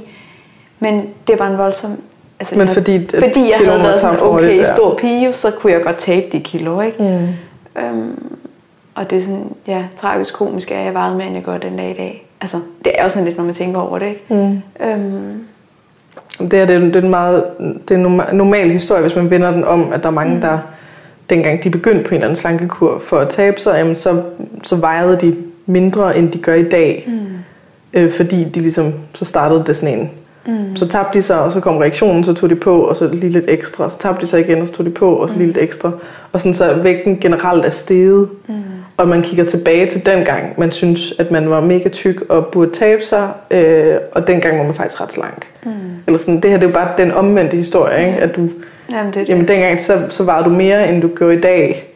Og det har været for dig en, den omvendte rejse af, at du så har har formået at tage noget på, men så har du tabt det hele igen. Ja. Og så formået igen at tage noget på, og så tabt det hele igen. Ja. Og så, altså, så er det gået den vej. Ikke? Ja, det er sådan helt grotesk, når man tænker over, hvor mange kilo jeg har taget på og tabt. Altså sådan, mm. Så mange gange. Ikke? Altså, det må være sådan, jeg forstår godt, at min, min krop kan være forvirret. Ikke? Altså, mm. Det er sådan helt åndssvagt. Øhm, ja. Men kan du ikke lige prøve at lave den sådan kronologisk historien, sådan i milestones, eller hvad man kalder mm. det, bare så jeg helt med. Der var, du var 14, så blev du indlagt ja. for første gang. Og så blev jeg udskrevet. Så blev du udskrevet, da du havde noget været, vægt. Du havde nået en vægt, men ja. hvis du var normalvægtig, så var der ikke... Jamen altså, jeg var normalvægtig måske på BMI 18, ikke? så jeg kom op på BMI 20-22, som de okay. helst vil have, når man har en auxi, ikke? Så blev du udskrevet? Kommer hjem og bor hjemme, mm. og får det ret hurtigt dårligt igen. For så, der var ikke noget, der ændrede? Altså, nej, nej, overhovedet ikke. Så det er jo klart. Så, ja, okay. Nej, nej. Min mor blev lidt min behandler, ikke? Mm. Øhm, og taber mig, og så kommer jeg, bliver jeg, så kan de igen ikke rigtig finde et sted. Så derfor kommer jeg ud på Glostrup, børnepsykiatrisk, og er hele sommerferien, mens jeg venter på, at Bisbjerg har en specialafsnit for børne med anoreksi og spiseforstyrrelser. Så bliver jeg flyttet derover mm. og er der.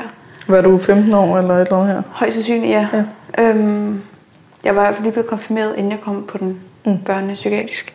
Øhm, kommer hjem, og der er min mor igen behandleren, virkelig behandleren, og det er forfærdeligt. Hun tager overlov med mig. Øhm, og, det havde og du havde fået antidepressiv her? Der var jeg startet på min antidepressiv nemlig. Ja. Tilbage, men der var så kommet af det, så nu var jeg kommet antipsykotisk. Okay. Øhm, Men Og så går hjemme ret mor? hurtigt af det igen. Ja, så kommer jeg hjem til mor og bor hos hende og får det rigtig skidt igen. Så kommer jeg ind på Bisbjerg igen.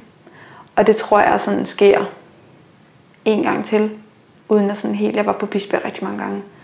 Øhm, sidste gang jeg så er på Bisbjerg, når jeg er 17 år, så siger min mor, at hun kan ikke rumme, at jeg skal hjem igen. Øhm, fordi jeg har også søskende, og min mor er faktisk skilt. Og hun bliver nødt til at passe på mine søskende. Øhm, fordi at det, det ikke fungerer. Øhm, Pas på dem. Ja, altså, det tager så meget tid at have mig derhjemme, Nå. fordi jeg kan have det så dårligt. Øhm, og fordi jeg begynder at skære mig, og det kan hun ikke rumme. Mm. Øhm, så der bliver der søgt om bosted, selvom jeg siger, at det er bare det sidste, jeg vil. Men der bliver fundet et bosted, og det flytter jeg direkte fra min indlæggelse på Bisbjerg, flytter på bosted som 17-årig. Øhm, og tager en 10. klasse der, for jeg ikke kunne tage min 9. klasse, så jeg tager ligesom min 10. klasse, for at kunne gøre mig selv klar måske til at tage en videregående uddannelse, ikke? Mm. eller gymnasieuddannelse. Bor der indtil jeg er omkring lige På et til- bosted? Ja, præcis. Der bor jeg et år. Jeg er næsten lige fyldt 18, da de fucker mig op. Eller jeg er lige ved der i sommeren og tage min 10. klasses eksamen, hvor jeg så har tabt mig 3 kilo. Så er jeg lige under et eller andet fucking gyldent tal. Og så siger de, at de vil støtte, støtte mig i at tage min skole færdig. Og min 10. klasse er seriøst min første, overhovedet den første sejr, jeg nogensinde prøver at få i mit liv. Det er at tage en 10. klasse. Øhm, så der Men det er skolen, der sagde, de ikke Nej, det er mit bosted. Fordi bostedet? jeg bare har taget mig to kilo, fordi det er en stressende situation at tage en 10. klasse. Og men jeg var nervøs, og jeg igen, jeg var ikke undervægtig. det var jeg Kan vitterligt bosted sådan noget? De kan sige, at du ikke må gå til eksamen. Ja, fordi jeg var stadig tilknyttet Bisbjerg. Jeg gik ambulant på Bisbjerg, så det var jo så dem, der fikset med mig. Åh. Øhm, men der sagde jeg så bare, fuck jer. Jeg flytter hjem til min mor og tager min 10. klasse. Så det gjorde jeg. Og det støttede min mor mig heldigvis i, fordi hun kunne godt se, hvor vigtigt Ej, det var for mig. godt. Øhm, så der flyttede jeg faktisk. Hvad er det for en, for en bosted, det der? Det er så også lukket den dag i dag. Øhm, Wonder why. Ja, præcis. Øhm, men ja, så der boede jeg hos min mor, mens jeg tog den, men der vidste vi også, at jeg skulle ikke bo hos min mor. Så der kæmpede jeg så for at finde en lejlighed. Og flyttede Som en lejlighed. 17-årig. Som, ja, jeg var blevet, så blev jeg så lige 18 i januar mm. og flyttede igen i Vanget, og havde det jo stadig fucking dårligt. Ja, det er klart. Men jeg var selvfølgelig helt normalt vigtigt, og startede så på HF ude i Gentofte, og havde faktisk det første år et godt år. Altså, jeg fik faktisk sådan en semi-kæreste, som nok ikke var en kæreste, som nok var alt muligt andet end det, men, men jeg var stadig fucked up, og jeg havde to jobs bare for at kunne betale, og jeg kunne bo i en lejlighed, og jeg gik, altså, jeg havde det så dårligt, og jeg havde fravalgt mig al behandling, fordi de havde fucket mig op, og jeg troede med mig en indlæggelse, da jeg havde tabt mig 3 kilo, ikke? Mm. Øhm, så det tænker jeg bare, fuck ja. øhm, men så på andet år, så flyttede jeg faktisk hjem til min mor en kort periode, fordi jeg fik det begyndt at få det rigtig dårligt. Øhm, men flyttede så til en anden lejlighed i Lyngby, øhm, hvor jeg så startede på andet år HF, men fik det rigtig, rigtig dårligt, og tog min første overdosis, og var indlagt på et psyk, altså i Og hvad, er det et helt glas piller? Eller Nej, er det er det... det ikke. Det er bare nok piller til, jeg, jeg kan ikke engang huske, hvor meget det er. Men mm. øhm, ja, kommer ind for, for kul, for kastet op, for drop. Og var det, altså, var det en overdosis for at dø? Eller nej, var det... Og det nej, og var jeg, det det, s- nej, og jeg, hjælp, eller? jeg hader at snakke om det, fordi jeg føler mig så dårlig menneske. Øhm, nej, det var det ikke. Jeg ved ikke engang, hvad det var. Jeg tror også bare, at jeg var træt. Mm. Altså, det er virkelig, det, jeg er så ked af at sige det den dag i dag, fordi jeg vil jo ikke dø. Altså, det, det vil jeg ved det ligge, og jeg synes, det er så pinligt, for jeg er bange for, at folk tænker, at du er bare så opmærksomhedskrævende, når du har gjort det. Og det, det kan jo godt se sådan ud. Det, kan, det synes jeg jo også, og det er jo derfor, jeg dømmer mig selv på det. Øhm, Det ville også give mening at være opmærksomhedskrævende. Altså, jo, hvis du oplever synes- et helt liv, synes, det hvor du er blevet behandlet dårligt. Ja, men jeg synes, det er mega pinligt. Jeg synes, jeg er et mega dårligt menneske, fordi jeg har gjort det. Fordi jeg sådan har bare skidt på livet, eller hvad man siger. Det, er jo- man burde jo være taknemmelig for, at vi lever der også den dag i dag, men det var jeg ikke lige der. Øhm, der følte jeg Okay, bare... det her det vil jeg altså gerne snakke lidt mere om, hvis det er okay. ja, det må du gerne. Altså, vi vil, der, der, okay, hvor, og hvor, hvor kommer det der taknemmelighedsnød fra? Hvis ikke du er taknemmelig for livet, så er du et dårligt menneske. Jamen, jeg tror, det er, når vi ser så meget død og ødelæggelse, og vi får hele tiden at vide, at, og, og kraft for, for eksempel er jo en forfærdelig sygdom, men og det, det ser vi også, det får vi også alle sammen hele tiden klasket i ansigtet, og, og hvor skrøbeligt livet er, og jeg tror, jeg følte mig så dårligt menneske, fordi udefra burde jeg jo have det perfekte liv. Altså, jeg er jo ikke på den måde blevet mishandlet. Jeg er ikke blevet noget som helst i min barndom. Jeg, jeg har haft nogle svære år i min barndom. Øhm, men der er ikke noget, som på den måde skulle indikere, at jeg endte, hvor jeg endte, eller skulle være så voldsom. Så der tror jeg, at jeg følte mig som jordens største egoist, fordi jeg havde det, som jeg havde det. Jeg følte ikke, at jeg fortjente at få hjælp, fordi der var nogen, der havde det meget værd end mig. Øhm. Se, det her det er noget, jeg har stødt på mange gange. Ja, og det ved jeg, der er mange, der, der har er... den tanke. Men der var også bare, der er jo også folk, som er indlagt ved anoreksi, som har været igennem rigtig, rigtig store traumer. Og når man så står ved siden af dem, så føler man sig så egoistisk. Jeg, havde bare, jeg gik rigtig meget til hypnose engang. Mm. Og det tog jeg rigtig meget med mig, for det var faktisk det, der ændrede det rigtig meget for mig. Jeg tror lidt på sådan noget.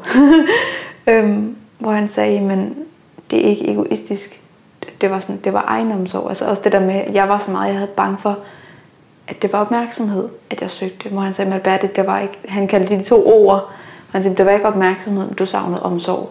Mm. Og det er faktisk noget, jeg tager med mig den dag i dag, hvis jeg føler, at jeg kræver opmærksomhed hos min mor mm. måske. Men det er ikke opmærksomhed, jeg søger, det er omsorgen, jeg søger, fordi den har jeg manglet. Mm. Øhm, så den giver jeg lige til jer, hvis I nogle gange man kan føle, at jeg er også bare mega opmærksomhedskrævende. Nej, det er fordi, du mangler omsorg. Mm. Øhm, og den var virkelig vigtigt for mig, fordi det, det, det gjorde, at jeg ikke følte mig helt lige så egoistisk, fordi at jeg også sammen med ham faktisk fandt ud af, hvad det er, der var sket tilbage, som gjorde, at jeg havde det, som jeg havde det. Mm. Øhm, og det tror jeg var rigtig vigtigt for mig, faktisk også for at jeg kunne få det bedre, at jeg lærte så småt ikke at føle mig som jordens største egoist. Altså, mm. Hvor han også sagde, at egoisme behøver ikke at være negativt. Altså egoisme er negativt, når det går ud over andre mennesker. Men det er faktisk også som mennesker, der har tilladet det som være noget negativt at være egoistisk. Fordi egoistisk kan også være, at du passer på dig selv. Mm. Og jeg har et postkort til dig bagefter. Nå, ej fedt, fordi det er faktisk noget, jeg tit tænker på, at det får altid negativ ladning, når mm. vi taler om at være egoistisk. Ja, altså, man må aldrig være egoistisk, du skal altid tage dig andre. Jamen, præcis. Men hvis du ikke er egoistisk, så kan du ikke tage dig af nogen andre. Nej, præcis. Altså. Jeg skrev det til min mor i går, hun skrev sådan, ej, er det sådan og sådan med min søster, sådan, mor, du må godt være egoistisk, du må mm. godt sige, det gider jeg ikke finde mig i. Ja. Altså fordi, det er ikke negativt. Mm. Det er negativt, hvis du skader andre mennesker på det. Ja. Øhm, så det, øhm, det lærte jeg rigtig meget i den periode. Men lad os bare lige ja, få noget på det rene her, ikke? fordi det her det er en, det er en jeg, jeg stødt på den rigtig mange gange, mm. at jamen, der er jo altid nogen, der har det værre end mig, mm. så jeg burde skamme mig over at synes, at livet er svært. Mm, præcis. Og hvis man tænker logisk på det, ikke? så siger okay, der er de følelser, der er. Mm. Du, du har haft det rigtig svært. Mm. Du har haft øh, nogle meget dybe, meget voldsomme følelser. Hvis vi så siger, at det er forkert at have, mm. de følelser ændrer sig jo ikke af det. Men nu får man bare tilføjet en ekstra omgang skam oveni. Mm. Det logisk set, så giver det faktisk ikke mening. Mm. Så får man det faktisk kun værre. Og jeg tænker, det, man kunne også godt putte ind i hele den der debat omkring, øh, kan, kan slanke mennesker tillade sig at have det skidt med deres ja, krop og sådan noget, ikke? Jo. Jamen, hvis du siger, prøv at høre, du er, en, du er fucking slank og smuk, du burde virkelig skamme dig over at have det dårligt. Ja. Okay, så den her person, der har det skidt med sig selv, øh, uanset hvad, hvordan kroppen ser ud, vil nu både have det skidt og skulle skamme sig. Ikke? Ja. Det hjælper ingenting. Det, det, er, ikke, det er ikke konstruktivt på nogen. Det, det er sådan en... Ja. Det, det, det, er et eller andet, vi har misforstået. Ikke? Jamen, jeg har den selv den dag i dag. Der sidder stadig i mig. Og den... Uh, ej, undskyld. Den kommer også tit når man tager på, når man er se. Fordi når man så kommer ud, så er det alle, der siger, ej, du ser mega godt ud, du må have det mega nice. Altså, du har det så meget bedre. Ja, ligesom altså, folk gør med vægttab. Præcis. Ja, ej, du og tabte, det er hårdt, ja. fordi man ikke bearbejdet det. Øhm, og der tror jeg stadig, den sidder i mig den dag i dag. Stadig angsten for at tage på. Ikke fordi jeg ikke, faktisk ikke vil tage på. Jeg er faktisk bange for, hvordan folk skal se mig. Fordi jeg synes, det er hårdt lige pludselig fra en dag til den så er det bare som om, man skulle kunne klare hele verden. Mm. Og det kæmper jeg nogle gange selv med, fordi det er jo ikke fordi, jeg har lyst til at sige til folk, at jeg har det dårligt, bare for at have det dårligt, nej, nej. men fordi, at man ikke altid kan se, når man har det svært. Også min OCD, den har ændret sig helt meget igennem mine år, så man kan ikke se, når jeg har OCD. Mm. Jeg er mega god til at skjule det, men det er ikke ens betydende med, at det ikke stadig er fucking invaliderende. Mm. Øhm, jeg har bare lært at leve med det. Så når jeg for eksempel, jeg har faktisk ikke rigtig sagt til nogen, jeg har fået flexjob, sådan, jeg siger det mm. sjældent, for jeg synes også, det er mega tabubelagt, fordi jamen, du ligner sgu da godt en, der kunne arbejde 37 timer. Altså, come on.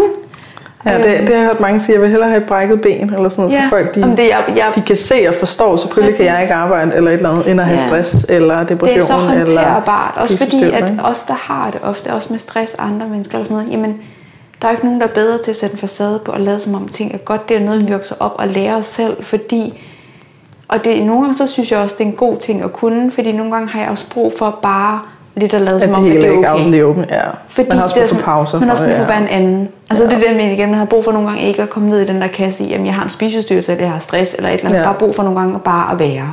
Altså, så på den måde synes jeg også, at det er helt okay, man gør det nogle gange. Mm. Men der skal også være plads til, at man kan sige, at det her det er sådan, jeg er, og det er jeg egentlig okay med. Altså, Det bliver altid, jeg bliver altid sådan lidt nervøs, når jeg ser folk, der bruger deres Instagram-navn, som, hvor de hedder hende med diabetes, eller du Ja. ved, sådan et eller andet, eller det er ikke fordi, for det så bliver du din diagnose, eller du bliver din sygdom, ja, præcis. og så Jamen, er, er du meget. bare ikke nogen længere. Og det kæmper jeg selv helt meget, fordi jeg jo startede med Instagram, nu vi snakket om det, Mhm. med at dele rigtig meget sådan, omkring min spiseforstyrrelse. Det har også været lidt en dagbog for mig jo, mm. hvor til i dag, og gerne vil nogle helt andre ting med mit mm. liv. Ikke? Men Ja, nu er det mere madbilleder. ja, jeg startede min blog med opskrifter, og det, det har jeg jo fundet ud af, hvor meget. Jeg har altid været fucking madglad.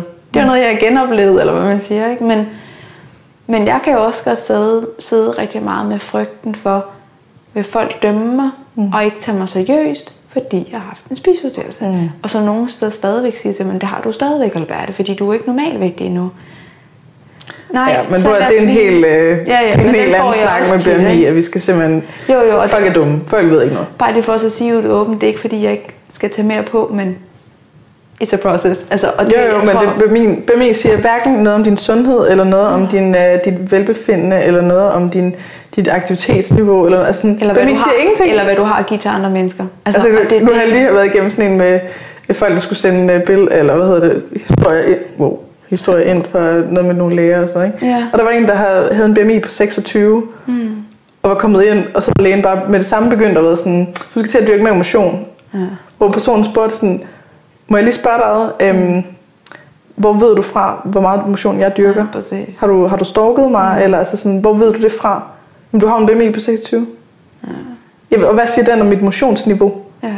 Du, du, altså på sådan, test. what? Nå, Ja.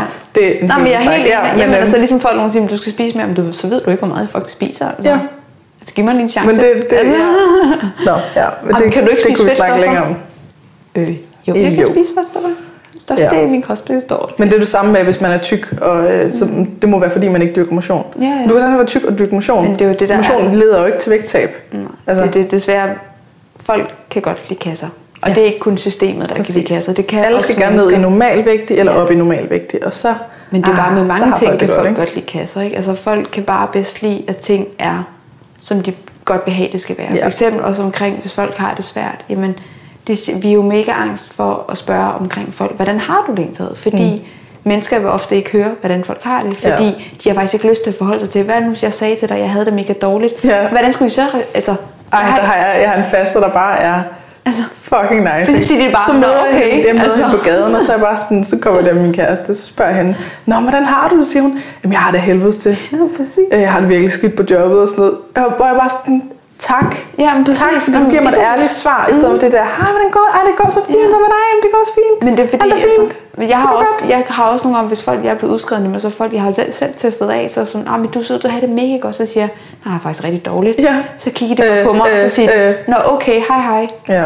Fordi de ikke ved, hvad de skal sige. Nej. Og det gør mig rigtig ked af det. Ikke fordi jeg siger, det, at man bare vil have det dårligt, men fordi at det skal ikke være farligt at snakke om, hvordan man har det. Mm. Altså, det Men skal så skal ikke, du også tage dig af den anden person. Nu må, nu Nu må jeg nok hellere sætte en facade op, så du ikke bliver uncomfortable. Ikke? Jamen præcis. Åh, oh, dog kæft, altså. Jamen, altså, de skal jo hjem og passe deres børn klokken 5, og det er bare sådan, de, altså, mm. det er de der kasser, og vi ved, hvad vi har, og det er bare rart, at man kan forholde sig til det, ikke? Altså, mm. det er rart, men. Men det er det samme med den der, ej, hvis, hvis der er noget, jeg kan gøre, så må du bare sige til. Ja, not. Okay, men øh, jeg kunne egentlig rigtig godt bruge, hvis du kom forbi i aften og drak en kop te. Ja, ja, ja, ej, det kan jeg ikke lige, men, men bare sig til. Ja. Ikke? Altså, hvis der er noget, som jeg skal gøre, vil du hjælpe med at flytte? Nej, men, men bare sig til, ikke? Er du okay? Ja. Ja. Nå, vi skal lige have kronologen færdig. Øhm, kronologen, det ved jeg ikke, hvad det hedder. Det hedder nu 18 år. Ja, og så flyttede jeg og flyttede jeg. Og så på et Så det var her, tidspunkt... du boede alene Ja, så boede jeg alene. Og fik færdiggjort 10. klasse. Ja, og så startede jeg på HF og, Og HF, der. yes, og så på andet år HF, så knækkede det. Og jeg så blev indlagt på den lukkede, og var der Fordi der var ressourcemangel. Ja, Ja. og endte der de der tre måneder, og øhm, kom lidt op i vægt, og fik så talt mig ud af en, mm. og fik udskrevet mig selv. Ender min egen lejlighed igen, starter på HF igen, har det stadig fucking dårlig. Jeg er stadig mega lav, lavvægtig. Øhm, tager min anden overdosis. Kommer ind på det psykiatrisk igen. Mm. Den åbne afsnit nu. Øhm, nej, der blev faktisk indlagt på den lukket igen. Og jeg havde sagt til dem, at jeg aldrig nogensinde ville komme der igen. Men det fuckede de selvfølgelig på. Så var jeg der en uge, hvor jeg snakkede med alle, og fik også overflyttet mig selv til den åbne i stedet for. Og fik så talt mig ud af en indlæggelse, fordi jeg havde en samtale på riget måneden efter. Jeg så tog til, altså på deres, de har et specialambulatoriet for anoreksi, mm. Øhm, som nu er flyttet til Ballerup, men ja, same same. Bare til samtale med dem, og de ville jo gerne have mig indlagt. Så jeg bare, det kommer ikke til at ske. Men jeg fik det bare dårligere og dårligere og dårligere. Øhm, og jeg tror, det var omkring marts, der nåede jeg en vægt, som jeg stadig heller ikke fatter, at jeg levede på. Men det gjorde jeg. Øhm, er det en, du vil sige, eller er det en, vi går over? Det kan jeg godt. Altså, men husk altså, til alle derude, det har ikke noget at sige. For det første, ja, ja, det er bare vigtigt, at man ikke tager det ind og vender og drejer det og gør noget. Men ja, jeg, jeg, tror, jeg vejede 28 kilo. Så øhm, det var heldigt, at jeg stadig kunne gå tale og alt mm. muligt andet fængsigt. Øhm, og var der indtil jeg udskrev mig selv. Der, jeg fortrød jo, at jeg indlagt mig. Mm. Det fortrød jeg jo dagen efter, jeg havde sat min fod der. Altså, ikke fordi jeg ikke vil have det bedre, men der, altså, det er en virkelig hardcore afdeling at komme på rides. Nok sige. Det er virkelig, der man, det arbejder man i faser. Jeg skal lige ret, tror jeg. Mm. Øhm, man arbejder i faser, hvilket vil sige, at det er belønning. Øhm, og den første uge må man ikke bevæge sig, så der ligger man bare nede i en seng, fordi det er sådan, det er. Og når man bevæger sig? Nej, altså, altså man er, man er Fordi det skulle være dårligt at bevæge sig? Fordi at man er så dårlig selvfølgelig, men jeg synes, det var... Det var en, jeg forstår godt, man skal ikke gå ud og danse, når jeg var så lavvægtig. Man skal jo selvfølgelig ikke gøre noget på Når det er for at be, altså beskytte øh, simpelthen skelettet? Eller, Jamen, altså hele, sådan, ja, altså kroppen. man ikke må få brændt kalorier. Men jeg måtte ikke engang være ude i fællestuen. Jeg måtte ikke se nogle af de andre patienter, fordi jeg skulle afskære. For det forbrænder mig for mange kalorier. Ja, der er i hvert fald rigtig, rigtig mange regler. Ej, jeg, måtte ikke, jeg måtte ikke ringe til min familie, jeg måtte ikke få besøg, jeg måtte ikke, altså der er rigtig, rigtig mange... Og så når man så når op i faserne, så må man, og selvfølgelig får, kommer man ind og får en, altså en kostplan, og der er selvfølgelig alt det der med tid og spisestuer og rigtig mange regler, der vil tage meget lang tid at forklare. Men bottom line er, at så kommer man jo op i faserne, og jeg fik selvfølgelig også taget på, og man får flere privilegier, og så siger jeg jo på et tidspunkt, jeg vil gerne udskrive det jeg magter jeg ikke mere. Og så siger de, det kan vi ikke, vi tvang tilbageholder dig. Og så får jeg så at vide, så spørger jeg, så bruger jeg lang tid på at finde ud af, hvilken vægt skal jeg op på, før jeg, jeg udskriver mig selv. Ja. Der siger de så 45, der må du udskrive dig selv. Så det kæmper jeg indenfor. for. Og imellem os og alle andre, så får jeg smuglet mad ind, fordi jeg skal bare op på den der 45. Ja. Og det er meget tabubelagt faktisk. Jeg spiser ekstra over min egen kostplan, fordi... Fordi du vil ud? Jeg vil ud. Ja, det er jeg klar. kan ikke mere. Og jeg ringer jeg ringer til alle steder for at få høre om, hvordan jeg kan slippe uden om loven. At mm. jeg finder ud af, at man kan være i et land i en uge, og så må man ikke blive eftersøgt længere. Så du kan godt høre, at jeg, mm, altså, du skal bare væk. Ja. jeg undersøger alt. Jeg når så er de 45, udskriver mig selv, tropper op på min mors dørtrin. Hun ved jo ikke, at jeg udskriver mig selv. Mm. Øhm, og de siger bare, du må ikke være her fordi de var så vrede over, at jeg havde udskrevet mig selv. Og din mor? Min familie generelt. Okay. Øhm, og det, altså, det var ikke noget med dem, men øhm, sådan var det. Det var meget, det var også også meget bræt at sige i bagspejlet, så var det også mega uretfærdigt af mig selvfølgelig. Men igen, man forstår det ikke, før man selv har været der. Mm. Altså, det er jo også fordi, selvfølgelig er der jo vildt mange følelser hele min familie igennem, og jeg og min familie er dybt taknemmelig. Min mor har altid været der for mig. Men det har også været benhårdt for hende, for mine søskende, og mm vi blev jo heller aldrig en, i går så en normal familie igen. Altså, de har også været med til nogle ting, der har taget på dem. Ikke? Altså, min søster har jo også oplevet nogle ting, der har været rigtig, rigtig hårde. Og de er jo også blevet sat til side, fordi min mor skulle passe på mig. Mm. Så det er jo ikke bare påvirket mig. Altså, og det er jo også noget, jeg bruger meget tid på den dag i dag, og synes er mega hårdt, at det, det har virkelig også taget hårdt på min familie. Mm. Altså, jeg kan også mærke det på min mor. Ikke? Altså, det, øhm, hun har fandme også i går sådan spillet mange år på at være bekymret for mig. Mm. Og der har min søster jo også. Altså det er noget, hun sjældent snakker om, men når hun gør det, så kan jeg også mærke, hvor berørt hun bliver af det. Ikke? Øhm, så det er jo det med psykisk sygdom. Det er jo ikke den psykisk syge kun Nej, nej. der Det er lider også under de- det. Det er det hele, Ja. der vælter. Andre. Øhm, men ja, så der flyttede jeg ind til min mor. Og så fandt jeg så lejligheden ude på Amager, som jeg flyttede i. Om, eller nej, så flyttede jeg over på i Synes du flyttede meget. Så flyttede jeg over i lejligheden og Jesus. fik det rigtig dårligt, som lå i Lyngby. Og så mødte jeg Mille. Og så tog jeg til Ægypten på 31 kilo, fordi jeg selvfølgelig tabt alle mine kilo igen. Så det var super nice. Mega godt gået. Ja. Ja. Men, Til ja. Ægypten. Ja, det var... Og, men, og det er simpelthen så sjovt nogle gange. Nej, det var også fordi... Nu er det også lige meget. Det var bare, jeg kom til at tænke på det. Altså for at være der i en uge, og så kunne man ikke blive Nej, nej, nej, nej, da jeg boede min lejlighed. Det var simpelthen fordi, jeg troede... Det var bare også for at sige til alle, at jeg har også gjort en masse fucked up ting. Fordi jeg troede... Jeg prøvede jo også febrilsk at finde ud af, hvordan fik jeg det bedre. Fordi efter jeg udskrev mig selv for riget, så var det jo, at sagde til mig selv, det skal jeg bare aldrig igen. Mm. Øhm, Men Ægypten? Altså, hvad, Jamen, så flyttede der jeg over, og så mødte, nej, nej, det var også bare, fordi så mødte jeg jo Mille, og så var det jo sådan lidt, så troede jeg jo bare, at, at jeg bare kunne få det godt fra den ene til den anden. At så skulle jeg bare ud og opleve verden, og jeg kunne Nå, klare hele måde, verden. Ja. ja, Så rejste jeg jo nemlig ud og selv. Øhm, men der blev jeg også mødt i virkeligheden jo ikke. Altså jeg havde jo heller ikke fået det bedre, bare fordi jeg havde mødt Mille, og der blev sat tanker i gang. Det var en mega lang proces. Mm. Øhm, som jeg stadig er i, kan man sige. Ikke? Øhm, men for at sige, at det var ligesom startskud for mig at møde hende og blive bevidst om, både at jeg har ansvar, og jeg har et valg, men også, at jeg er et menneske. Mm. Altså, jeg må godt have følelser, og jeg må godt mærke efter, jeg må godt sige til og fra, jeg må mm. godt sige nej til min familie, hvis jeg synes, at de taler ned til mig, eller mine venner. What, altså, det er okay at mærke og føle og have en mening. Mm. Og da det ligesom begyndte mere og mere at gå op for mig, jamen, så tror jeg også, jeg øvede mig i. Det var også derfor, jeg så opsagde min lejlighed, og nogle af de ting, jeg har gjort, har jo været dybt åndssvage, men det var som om, jeg havde brug for at, at gøre nogle ting. Altså sådan virkelig sætte en streg i sandet. Mm. Øhm, ja, og øhm, fik taget min HF. Og hvor gammel var du der? Jamen det var så to år, to, to tre, tre år, fire, tre eller fire år siden. Mm. Øhm, og har så et derefter prøvet at finde et arbejde. Det kunne jeg ikke, det knækkede jeg også på. Mm. Og kom så ind i systemet for to år siden. Øhm, altså øhm, det kommunale system med mm. flexjob og sådan noget. Ikke? Hvor jeg så inde på kontanthjælp selvfølgelig har været det de sidste to år. Og stadig på kontanthjælp den dag i dag. Indtil jeg finder et flexjob. Øhm, og har Men så har du jo aldrig fået noget hjælp. ikke sådan... Altså, min mor gav mig psykologhjælp. Købte nogle timer engang, men det er jo røvdyrt, når man selv køber det. Så et, et par psykologtimer. Ja, og Det så er har det, jeg gået hjælp. Så har jeg selv købt nogle til Og noget hypnose. hypnose, og jeg har købt noget body SDS, og...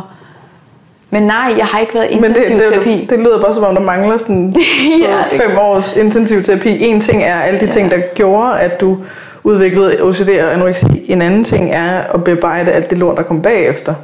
Mm. Altså, alle de traumer igen og igen og igen, og øh, tvangsindlæggelser, og øh, lukkede, og fejl, der blev lavet, og beskyldninger. Altså sådan, mm. Det er jo bare ekstra oveni, mm. hvad der nu startede med at være et problem. Ikke? Ja, og jeg bliver virkelig rørt, fordi det er, sådan, det er virkelig sjældent, at der er nogen, der siger det sådan til mig, fordi det er noget, jeg sådan tit føler, men jeg tør ikke sige højt, fordi jeg er sådan lidt, når folk siger, men du har det fint nok, Alberte. For eksempel, ligesom jeg aldrig har delt, at jeg har fået sådan det, men det er sådan, fordi hvis jeg først skulle begynde at tale om, ikke fordi jeg siger, at man altid bare skal gribe op i fortiden, men fordi, som du siger, der er jo nogle ting, der er sket, som stadig sidder i mig den dag i dag. Der er nogle ting, jeg ikke kan, eller kan lugte til, eller kan håndtere, fordi mm. så får jeg angst. Ligesom der er nogle steder på min krop, min mor ikke kan røre mig, fordi mm. så flipper jeg fuldstændig. Det må minde mig om en eller anden situation, jeg jo selvfølgelig ikke ved, Mm. hvad er. Det er klart. Og det er nogle af de ting, jeg nok synes, der er sværest, er, at jeg på en eller anden måde, jeg er stadig bærer på nogle af de ting.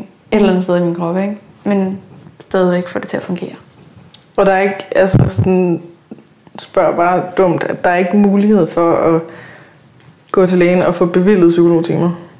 Øhm, altså lige nu er jeg stadig faktisk Eller er du Nej, jeg, jeg har været rigtig, rigtig angst for systemet mange år. Øhm, jeg er stadig tilknyttet riget faktisk. Mm. Øhm, og har stået på venteliste til psykolog snart et år. Nu har de lige fået ansat en ny. Så nu har jeg faktisk fået at vide, at jeg kunne starte til psykolog derude i januar. Øhm, men jeg må indrømme imellem os, at jeg er sådan meget for imod, fordi at det er på deres annoncieafsnit. Og jeg ved, at de vil blive ved med at sige, du kan kun gå til vores psykolog, hvis du bliver ved med at tage på. Og det er igen ikke, fordi jeg ikke vil tage mere på, men igen, så bliver det den der følelse af, at du må kun få psykologhjælp, når du tager på.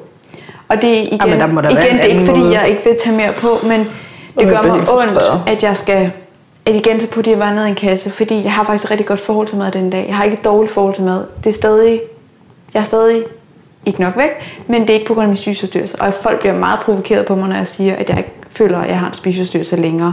Men det føler jeg ikke på det plan, at det er maden, der dominerer mig. Mm. Det er mine traumer, der gør, og mine andre oplevelser. Øhm, så ja, jeg har stadig nogle ting at kæmpe med, også med rent vægtmæssigt. Men hvis jeg putter mig selv ned i den kasse igen, så vil jeg også sige, men så kommer jeg ned i spiseforstyrrelseskassen. Mm. Og det har jeg ikke lyst til. Jeg har ikke lyst Nej, til men det, igen. det burde jo være uafhængigt af det. Altså det burde være at Præcis. sige, okay, hvad er din situation i dag? Mm. Min situation er, at du er enormt begrænset i nogle ting. Der er, mm. der er stadig traumer, der ikke er bearbejdet. Der er, altså, mm. der er hele den her eftervirkning, og hvad der nu engang var, mm. øh, der startede det. Altså sådan, det i sig selv bør jo være, hvis man går til lægen og siger det, mm.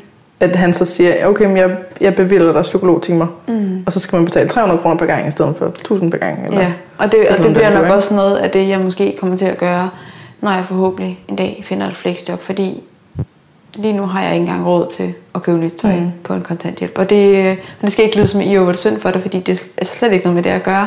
Men det er også bare for at sige, at folk glorificerer nogle gange, når man er på offentlig ydelse, og der er ikke noget som helst at glorificere. Nej. Altså mine penge går til husleje og mad. Mm. Bum. Altså, og, og det, det er bare sådan, det er. Øhm, så det... Øh, men jeg tror, at det er sådan noget, det ender med. Fordi jeg tror også bare lige meget hvad, så kender systemet mig. Altså hver gang, så tager de mig min journal frem, og så slår de op på side 5, og så siger de, Nå, men du var jo engang sådan her. Øh, ja, hej, dejligt også at møde dig. Mm. Fordi de kan læse tilbage, at der står rigtig mange ting, og min journal er ikke enig i. Altså hvad jeg ikke er blevet kaldt, at have den ene og den anden diagnose, ikke? Men man, kan altså man må godt skifte læge, for eksempel. Så du kommer ind til en læge og siger, jeg har simpelthen brug for noget psykologhjælp, så jeg kan mm. komme til at leve et nogenlunde normalt liv, mm. efter alt det lort, der er sket.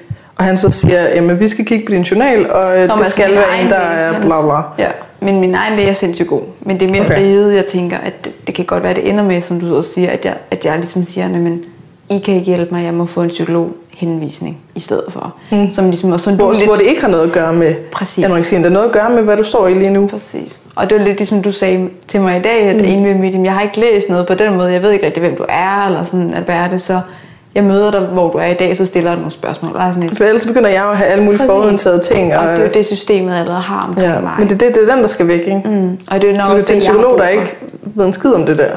Præcis. Lidt ligesom Mille gjorde, hvordan har du det, ikke? Ja. Altså, og det tror jeg er så vigtigt for os alle sammen, at vi føler os set og hørt. Mm.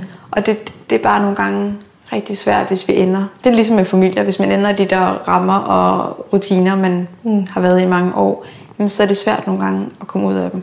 Ja. Men det tror jeg bare er sindssygt vigtigt for os, vores alles udvikling. Og det er jo sådan, det skete for mig i hvert fald også, ikke? at da jeg ligesom trådte ud af hamsterhjulet, i mit eget hamsterhjul, mm. ikke? og min egen, det bliver aldrig bedre følelsen. Fordi det kunne godt blive bedre. Mm. Men der var selvfølgelig også nogen, der skulle gøre mig bevidst om, at jeg var noget. Ikke? Altså, Mm. Så jeg tror, der er rigtig mange faktorer i det, i det med at få det bedre. Øhm, ja, Altså, du er 27.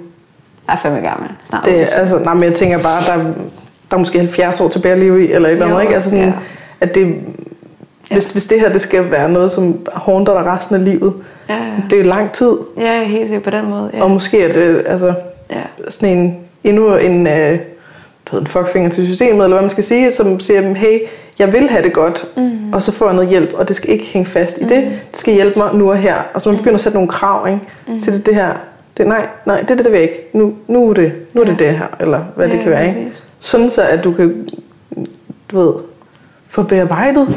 At det lort, der aldrig er blevet bearbejdet-. Men altså, det er bare min Ja, men holdning. Men jeg håber fandme, at det er... Jeg kan, godt, jeg kan godt høre på dig, at der er mange sådan... Du er meget bange for, at andre ser dig som enten både opmærksomhedssøgende, eller øh, offer, eller øh, mm. Noget andet af noget sådan, det er synd for dig, eller sådan, Ja, du er lidt bange for det. Mm. Men hvorfor er det så farligt egentlig? Altså, det, er jo- det, er jo, det er jo fuldstændig basic, at man vil gerne have opmærksomhed fra andre mennesker. jeg tror Nu bare, kalder du det omsorg, og det kan jeg sagtens forstå, men sådan, hvis, når jeg stiller mig op og holder et foredrag, Hvis jeg ikke får opmærksomhed, når jeg holder et foredrag, så kan det være ligegyldigt at holde foredrag. Ikke? Så jeg vil gerne have opmærksomhed. Mm. Altså, det behøver ikke at have en negativ klang, eller sådan, det, det er bare sådan basic. Ja. Og man er jo et offer for de omstændigheder, der nu er. Ja. Så spørgsmålet, om man er et aktivt offer, der, der prøver at gøre noget ved det, eller man er et passivt offer, der synes, det hele er de andres skyld. Mm. Hvis man er passivt offer, så tror jeg heller ikke, man kan finde ud af at vælge andet. Jeg tror ikke, det er sådan noget, man vælger, fordi det er lort at være Nej, i den passive rolle. Ja. Og sådan, det, du må gerne kæmpe økonomisk og have det fucking svært med at være på, kontant, på kontanthjælp. Altså sådan, mm. man må gerne synes, at det er, at det er fucking hårdt, og man må gerne håbe på, at der er nogen, der giver en nogle penge en dag, sådan, så man kunne, eller du ved sådan, mm. der er ikke, altså alt det her, jeg håber også, at det er sådan, at det der metalag af det, mm. hvor du tænker på dig selv som værende, ej, sådan burde jeg ikke have det, eller sådan burde jeg ikke tænke, eller ej, hvor var jeg egoistisk, eller var jeg et dårligt menneske, eller sådan, alt det der, at, at det så også kunne forsvinde. Yeah. Så bare få lov at have det, som du har det. Ja, er det nok noget, det jeg kæmper mest med, det er bare at få lov til bare at være, ikke? og føle, at man måske har noget at give ud i verden. Ikke? Altså, mm. øhm, ja, det synes jeg nogle gange. Men det tror jeg også nogle gange kommer i den der ja, sådan, bekræftelse for andre mennesker nogle gange. Ikke? Og det er nok også den, jeg synes, der kan være svært, fordi jeg jo ikke har haft en sindssygt stor omgangskreds, eller venner, eller jeg har ikke haft en kæreste, har ikke en kæreste den dag i dag. Og, øhm, og det tror jeg virkelig også nogle gange kan være vigtigt for os mennesker, at vi har den der de mennesker, som bekræfter os i, at vi er noget. Mm. Selvfølgelig kan man sige, jo, min familie gør det, men de er slet født til det, ikke? Altså, damn. Ja. Men den der følelse af at være elsket bare fordi man er, som man er, mm. den tror jeg, jeg savner, jeg håber en dag at opleve det. Altså, det gør jeg virkelig. Og det kræver selvfølgelig fra begge veje, at både også, at du kan lukke dem ind. Det, det gør det nemlig. Det og det gør også, at jeg er parat til at sige, men det tør jeg godt. Mm. Øhm, men jeg synes også, det er mega svært. Jeg synes, det er mega grænseoverskridende, og det er svært at opsøge nye venskaber. Ikke? Mm. Fordi at, som sagt, mange på min alder, de har allerede deres omgangskreds. Ja, men nu vil jeg lige sige, har du? er du sikker på det? Nej. Fordi jeg ved for eksempel Helse Mathilde, hun lavede en gruppe, ja, der hed Find en veninde. Ja, det, det, det er så sårbart at skrive ud og sige, mm. hej, jeg føler faktisk ikke rigtigt, at jeg har nogle tætte veninder, jeg kunne rigtig godt tænke mig at have nogen at gå mm. tur med at snakke med Præcis. og drikke te med og alt sådan noget. Ja. Er nogen, der har lyst til at mødes med mig? Det, var en, det er enormt sårbart. Mm. Og alligevel så blev den jo, den gruppe ja, blev det. fyldt med mange, mange, ja. mange, mange, mange tusind mennesker. Ja. Der er blevet lavet undergrupper, som hedder Find en veninde København, Find en veninde øh, Aarhus, ja, whatever. Ikke? Altså sådan, det, det, det, hun er, jeg tror, hun har vundet en eller anden pris for det. Ja, det, ja det, jeg er faktisk selv medlem af den. Så kan jeg vide, hvor meget af det her er, at man ser ud og tænker, ej ja, alle andre har venner, det har jeg ikke. Ja, og, hvor, og hvor meget der egentlig er rigtigt. Nå, altså. jeg, er helt, jeg er helt enig. Jeg tror, der er rigtig, rigtig mange, der er ensomme. Jeg tror mere, det er dem, jeg sådan, det er nok dem, jeg så har prøvet, hvor man sådan føler, man... At de er sat. Eller sådan, ja, ja, hvor jeg faktisk rigtig godt har kunne lide nogle mennesker. Mm. Det er også det, der måske har været hårdt. Ikke? Jeg sådan, jamen, så har man taget en frokost eller et eller andet, og hvor man sådan, jeg kan vildt godt lide dem, men, og det er jo ikke noget mod dem, men de har deres mm. omgangskreds. De har måske den veninde, de ringer til, hvis de har en dårlig dag, eller hvis de har lyst til at gå ud og spise og sådan noget. Og det skal de jo så meget have lov til, men ja, ja. det er hårdt selvfølgelig, synes jeg nogle gange, hvis det er, at man faktisk rigtig gerne vil et menneske, mm. øhm, og kan mærke, at der er ikke plads til mig. Der er ikke plads til, at jeg kan fylde op, fordi der mm. er fyldt op. Og det er nok, jeg har måske bare været uheldig så at finde dem, der havde fyldt op, ikke? Jamen det er det, man kan, man kan både tænke det som, at når, så må alle være sådan, nej, eller også kan man tænke det som, jeg har bare ikke fundet dem endnu. Nej, nej, præcis. Og det, og det er også det, altså det gør jeg slet ikke. Jeg tror bare, at nogle gange er det bare hårdere end andre, tror jeg, at få den der følelse. Fordi man, og det er jo også noget, jeg øver mig i, ikke at begrave mig i den følelse. Mm. Fordi det skal jeg jo også passe på med, mm. ligesom alt muligt andet, at man ikke siger, så er det bare sådan, det er. Fordi det er det jo ikke. Altså, øh, og der er ikke noget, der er for sent, og det er også ligesom med at få det bedre med, om det er det ene eller det andet, man kæmper med. Mm. Jamen, der er ikke noget, der er for sent. Øhm, og det snakker med min mor om så sent i går. Jamen, altså, hvis man også husker på de små fremskridt, man tager, jamen, så tror jeg, at man er mega langt. Altså, mm-hmm. Jeg kom til at tænke på, at i går i starten af året, kunne jeg ikke bade min egen lejlighed, fordi mm. jeg havde for mange OCD-tanker.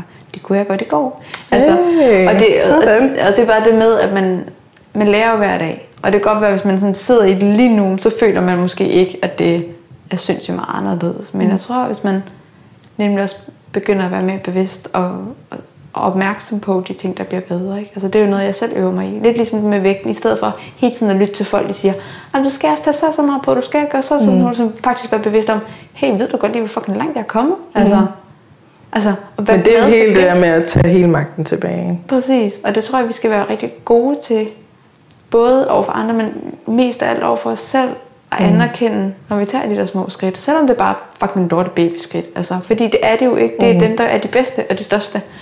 Øhm, så det er faktisk Og man skal også huske på, at andre behøver ikke at forstå det. Nej, præcis. Altså det, Man det gør det ikke mindre forklare noget. rigtigt. Eller sådan. Så hvis, hvis jeg øh, kommer og siger, wow, jeg har fucking læst en side i en bog, mm. jeg har sindssygt svært ved at læse, så det er helt vildt stort for mig. Præcis. Hvis der så er en, der siger, at det er jo ikke særlig flot. Altså jeg læste to bøger i går. Ja. Hvor, altså hvad vil du, hvorfor siger du det? Mm.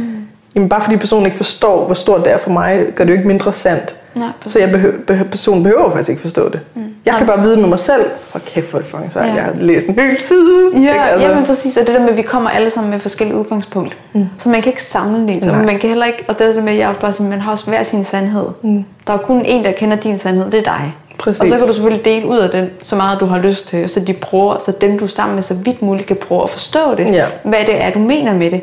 Men inderst inde, så er det kun dig, der kender den. Ja, og så skal du præcis. selvfølgelig være stærk nok til at turde stå ved den og så sige, hey, du kender ikke min sandhed, det er sådan her, det er. Ja. Og hvis man ikke er stærk nok, og det var jeg en lang periode, ikke? så derfor så indoptog jeg jo lidt den, som andre følte skulle være min sandhed. Ja, ja. Og sige, "Nå, okay, så er det sådan, jeg har det. Hvis folk sagde, men du har det sikkert sådan her, Ja. øh, Nå, ja. jamen, så er det helt det meget sådan, jeg rigtigt, har ja. det. Men det kræver selvfølgelig også, at man er klar til at sige, nej, sådan her har jeg det. Og det er også faktisk svært, fordi der Eller nej, også, det der vil jeg ikke. Nej, præcis. Ja. Fordi der lidt handler om også igen at være sårbar og angsten for, at men vil de så bare hade mig? Ikke? Altså mm. synes de så nemlig, at uh, jeg er virkelig dårlig. Ja, men så må man finde nogle andre mennesker. Ja. Så kom. Altså opgiv aldrig den der søgning på øh, Nej, andre mennesker, for jeg tror simpelthen, der er... Jamen, det er Uanset hvad fanden man føler sig forkert over, Præcis. eller anderledes over, eller sådan noget. Jamen helt Der er altid nogen, der har det på samme måde. Der er altid nogen, der, Præcis. der har meget mere forståelse og empati end andre. Altså sådan, Men det er jo dem. jeg er taknemmelig for hver dag nogle gange, hvis jeg lægger en story op. Men der er ofte nogen, der skriver, ej tak Ja. ja. fordi du deler. Om det er så bare en, der skriver, det varmer Ja, ja, ja. ja. på ens hjerte. Ikke? Præcis. Fordi man er bare ikke alene. Men man kan godt hurtigt komme til at føle sådan. Ikke? Ja. Altså mit største ønske er jo lidt, at vi alle sammen møder hinanden mere åbent. Mm. Og med den der respekt. Fordi vær nysgerrig frem for dømmende. Altså, du kan ikke vide noget, før du har spurgt. Og sådan lidt, vær ikke bange for... Ja. Jeg håber, den der læge også lytter med her. ja. Ej, Nå, du har en. BMI på 26, Nå, men så dyrker du ikke motion. Jamen, det er virkelig Altså hvad? Hvad, Ja. hvad er BMI med motion at gøre? What? Nå, nu har jeg øh, snakket, øh, øh, eller nu har jeg, hvad hedder det nu, er klokken øh, 14, og jeg havde lovet dig, at vi skulle slutte Nå, præcis er klokken okay. 14. Senest. eller, ja. Man kan følge med ind på din Instagram, Det kan man. hvis man øh, vil have noget inspiration til mad. Men nogle gange så skriver du og siger også nogle ting. Det gør jeg faktisk liv. okay ofte i min story. Det gør du ofte. Tror så jeg øh, Alberte Stengård, Ja. så det er øh, A-L-B-E-R-T-E S-T-E-N-G-O-R-D. Nej, to A'er stedet. G-A-A-R-D. Ja. Ja, jeg kan ikke læse det. Så man kan jo lige gå ind og følge med der, hvis man nu havde lyst til det. ja. Og øh, så håber vi, at lyden har været okay. Ja. Vi mangler de der tutter, men øh, Vind. ikke vi klarer vindhætter. ja, vi googlede det, og det lød som om, det var fint nok. Nu skal jeg ikke snakke mere, fordi lige om lidt så skal hoste rigtig meget. Så Tak for at jeg komme. fordi Det at har, du kom. har jeg bare sådan, det har jeg virkelig ikke fået sagt endnu. Det er virkelig Det- noget. Hvorfor der var en, der kunne bruge det til noget. vi regner med, at der er nogen, der kan bruge det. Jeg skal nok give responsen videre, hvis er kommer. sød. Tak. Tak fordi du kom. Tak fordi at du lyttede med så langt. Som sagt, så hvis du har lyst til at støtte den her podcast, så gå ind på tier.dk, det er titaler.dk, og søg på Perfekt Uperfekt. Der skal du registrere dine betalingsoplysninger en gang, og så kan du vælge for eksempel at give en tier per episode, der udkommer i fremtiden. Der er også et link i beskrivelsen, hvis det er nemmere. Og hvis du gerne vil vide mere om mine foredrag og online foredrag og kognitiv kostvejledning osv., så gå ind på katrinegissiker.dk. Igen, tak fordi du lytter med.